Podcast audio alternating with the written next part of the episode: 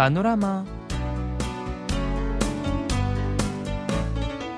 السلام عليكم مستمعينا الأعزاء ونرحب بكم في حلقة العربية من برنامجكم اليومي سيول بانوراما. وتحية مني أنس مادي يا سمادي وأيها الأصدقاء لم يتبقى سوى أيام قليلة تفصلنا عن العام الجديد. فماذا يخطر على بالكم للوهلة الأولى عندما تعودون بالذاكرة إلى الوراء وتسترجعين المراحل المهمة التي مرت بكم هذا العام؟ بصراحة أنا شخصيا عادة لا أقوم بذلك. نعم. ولكن عادة أكيد يعني نقاط النجاح آه. والفشل عادة. نعم. وبالنسبة لي حدثت أشياء كثيرة هذا العام. فقد أصبت بفيروس كورونا لمدة أسبوع. وبعد ذلك آه، قضيت وقتا ممتعا في رحلة خارجية مع عائلتي وتعلمت كيفية صنع الخبز والحلويات المختلفة. وأيضا كان هذا العام هو الوقت المناسب بالنسبة لي لإدراك أهمية الصحة لأنني غالبا ما أعاني من آلام في المعدة. آه حقا؟ نعم. مم، بصراحة لا يمكن المبالغة في التأكيد على أهمية الصحة وأتمنى أن تعتني بصحتك جيدا في العام الجديد وأن تتمتعي يعني بسنة أكثر صحة وسعادة. مم، شكرا جزيلا. وأتمنى لك أيضا أن تستمر في الاستمتاع بحياة صحية وسعيدة في العام الجديد. نعم. شكرا يا أمل. وقد مرت حياتنا اليومية بالعديد من التغيرات على مدار السنوات الثلاثة الماضية من أزمة كورونا. ومع ذلك قبل فترة تم الإعلان عن نتائج استطلاع للوعي العام ظلت الحكومة تجريه بشكل منتظم كل ثلاث سنوات قبل حدوث أزمة كورونا. نعم إذا كيف أثرت جائحة كورونا على وعي الكوريين في ثلاث سنوات الماضية؟ هيا نتعرف على ذلك في حلقة اليوم سويا ولكن قبل ذلك هيا نستمع إلى هذه الأغنية بعنوان ديتو وهي بصوت فرقة نيو جينز. Stay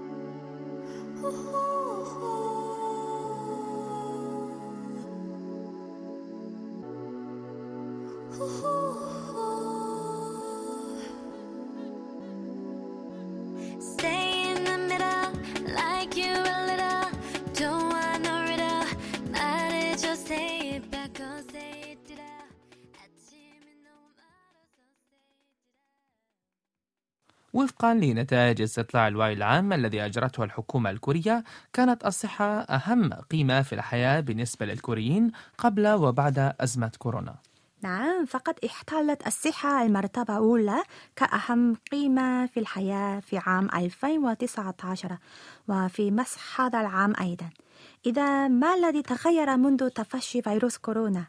يعني أولا تغير مفهوم التوازن بين العمل والترفيه بعبارة أخرى في استطلاع عام 2019 أعطى ما يقارب من نصف المشاركين وزنا للعمل أكثر من الترفيه لكن هذا العام انخفض بشكل كبير إلى 30% نعم ويتم تفسير ذلك بأنه يتم التأكيد على تأثير أهمية الصحة والراحة مع مرور الناس بجائحة كورونا صحيح. بالإضافة إلى ذلك يبدو أن زيادة وقت الفراغ مع القيام الشركات بالترويج للعمل عن بعد كان لها تأثير أيضا. بالفعل. كما قال أكثر من 40% من المشاركين إن السعادة في الحاضر أهم من المستقبل. وعلى وجه الخصوص في هذا الاستطلاع اتضح أن كلما كان المشاركون أكبر في السن كلما زاد تقديرهم لسعادة الحالية مما يجعلنا نفهم تأثير جائحة كورونا على المجتمع الكوري والتي هددت صحتنا بشكل كبير. مم، فعلا ومن ناحية أخرى فيما يتعلق بالموضوعات المتعلقة بالدخل وسبل العيش والرفاهية والنظام بدا أن المشاركين قدروا الفرد أكثر من الدولة أو المجتمع. فعلى سبيل المثال عند سؤالهم عن من يتحمل مسؤولية سبل العيش والرفاهية الحكومة أم الفرد؟ اختار 27% الحكومة و40% اختاروا الفرد. نعم. وعندما سئلوا عما يعطونه أولوية بين الحرية الشخصية والنظام الاجتماعي قال 33% إنهم يعطون أولوية للحرية الفردية بزيادة طفيفة عن 31% في عام 2019 وفي هذا الصدد قال أستاذ الاقتصاد في إحدى الجامعات يبدو أن تصورات الناس قد تغيرت على نحو يعني لأنهم أدركوا أنه يتعين عليهم إعداد أنفسهم لسبل العيش والرفاهية مع الشعور بحدود الدعم الحكومي خلال أزمة كورونا. نعم ونظرا لأن الحكومة رفعت التباعد الاجتماعي وخففت قواعد حجر الصحي بسبب جائحة كورونا التي طال أمدها. يبدو أن فكرة أن كل شخص يجب أن يجد طريقة للعيش بمفرده أصبحت أقوى. نعم هذا صحيح. أنا أوافق ذلك.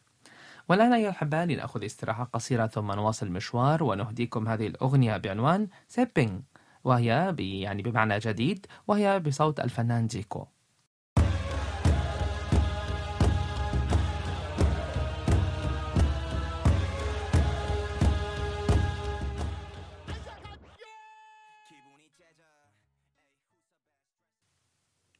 أهلا بكم من جديد.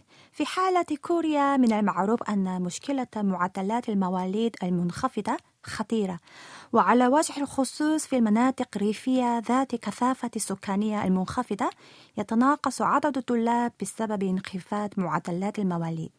ولذلك فإن هناك حوالي 3800 مدرسة من المقرر إغلاقها على مستوى البلاد وذلك من خلال مسح أجري في شهر مارس من هذا العام. نعم وفي الواقع تم إغلاق العديد من المدارس في المناطق الريفية بسبب نقص الطلاب.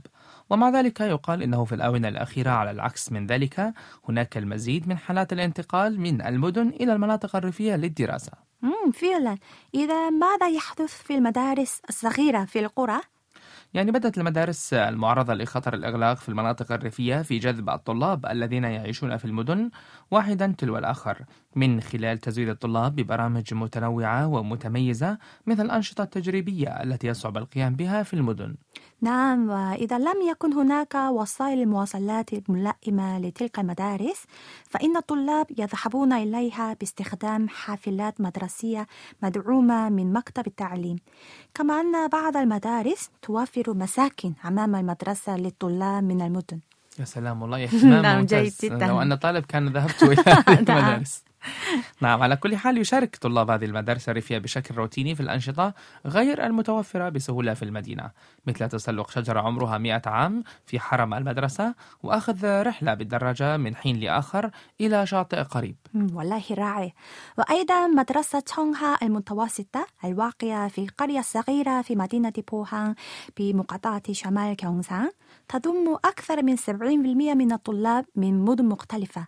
وتضم فصلا لاكتشاف علوم يصنع نماذج مدرسية باستخدام طائرات بدون طيار وطابعات ثلاثية الأبعاد ولها أوركسترا أيضا فازت بجائزة في مسابقة وطنية تعتمد على تعلم كل طالب فيها آلة موسيقية واحدة.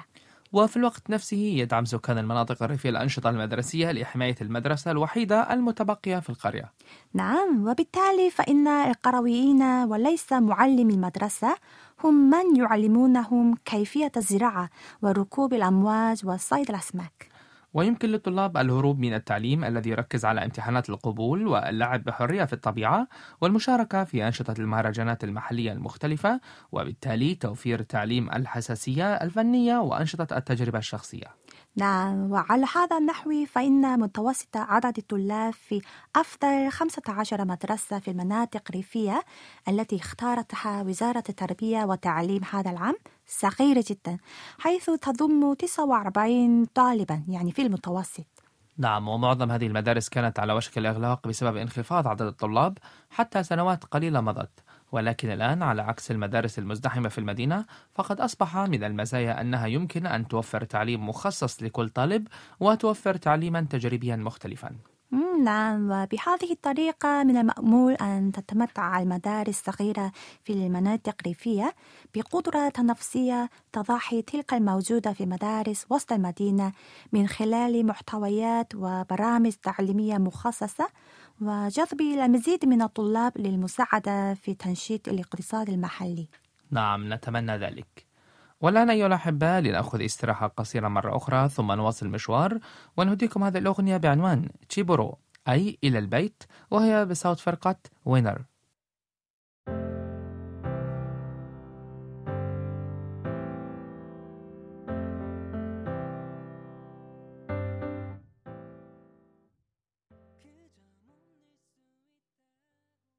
رجعنا من جديد. في نهاية الأسبوع الماضي خلال العاصفة الثلجية التي أودت بحياة العشرات في جميع أنحاء الولايات المتحدة فإن قصة تسع سياح كوريين تقطعت بهم السبل حين ذاك وأنقذهم زوجان أمريكيان. تم يعني ثم القضاء عطلة دافئة في عيد الميلاد أصبحت معروفة عبر وسائل الإعلام الأمريكية. نعم. ففي الخامس والعشرين من هذا الشهر قدمت صحيفة نيويورك تايمز الأمريكية اليومية حكاية السيد والسيدة ألكسندر كامبانيا اللذين أنقذا ورحبا بحرارة بتسعة سياح كوريين تقاطعت بهم السبل في عاصفة ثلجية في مدينة خارج نيويورك بالولايات المتحدة الأمريكية. ووفقا لصحيفة نيويورك تايمز فإن هؤلاء التسعة كانوا سائحين كوريين ذهبوا في جولة إلى نيويورك من خلال وكالة سفر وكانوا متجهين إلى شلالات نياجارا معا في شاحنة في الثالث والعشرين من هذا الشهر. نعم ومع ذلك قبل الوصول إلى الوجهة تسببت عاصفة ثلجية عنيفة في سقوط السيارة في حفرة. وفي الواقع تقع منطقة ويليامزفيل التي عزلت فيها السيارة. بالقرب من منطقة بوفالو الأمريكية التي تضررت بالشدة جراء العاصفة الثلجية هذا الشتاء. ووفقا لخدمة الأرصاد الجوية الوطنية الأمريكية تعرضت منطقة بوفالو لعاصمة لعاصفة ثلجية على أغرار الإعصار مع تساقط أكثر من 109 سنتيمترات من الثلوج حتى صباح ذلك اليوم وانقطاع التيار الكهربائي جزئيا.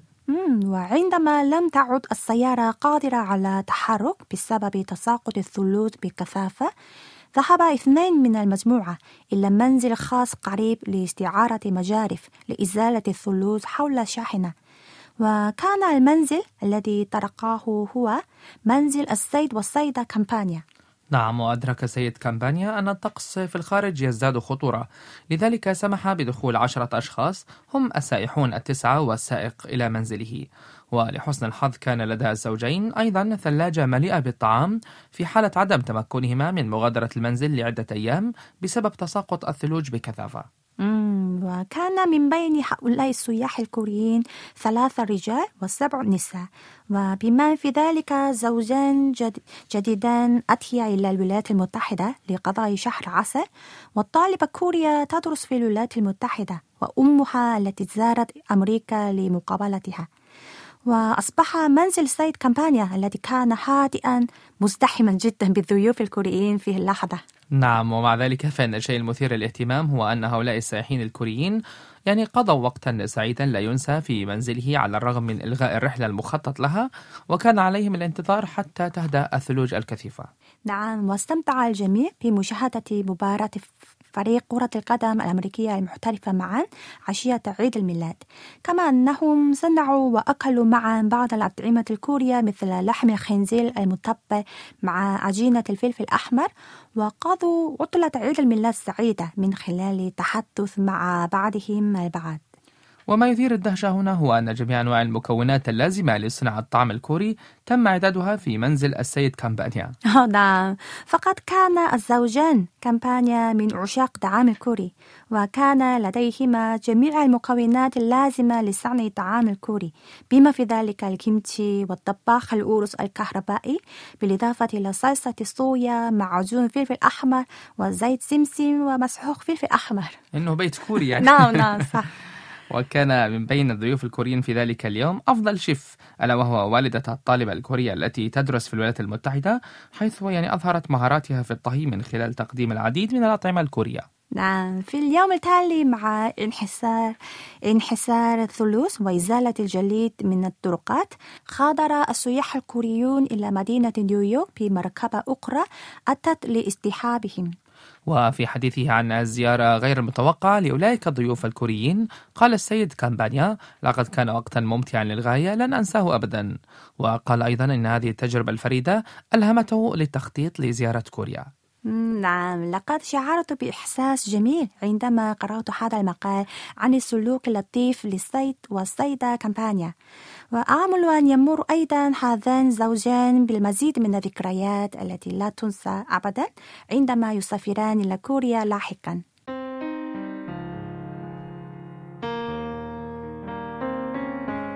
أيها الأحبة الأحباء المستمعون سعدنا برفقتكم في هذه الحلقة والآن نترككم مع هذه الأغنية بعنوان 12월의 기적 أي معجزة شهر ديسمبر لفرقة إكسو وسنعود إليكم من جديد العام الجديد إن شاء الله وكل عام وأنتم بألف خير نعم شكرا لكم إلى اللقاء 널 들으려 애쓰다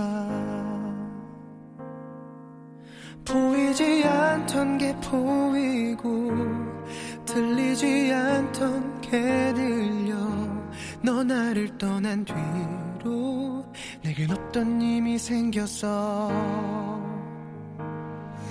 늘 나밖에 몰랐었던 이기 적인 내가 yeah.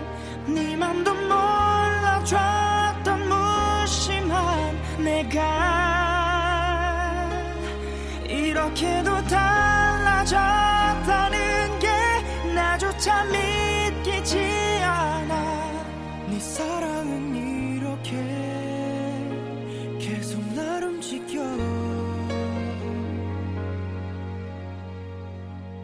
난 생각만 하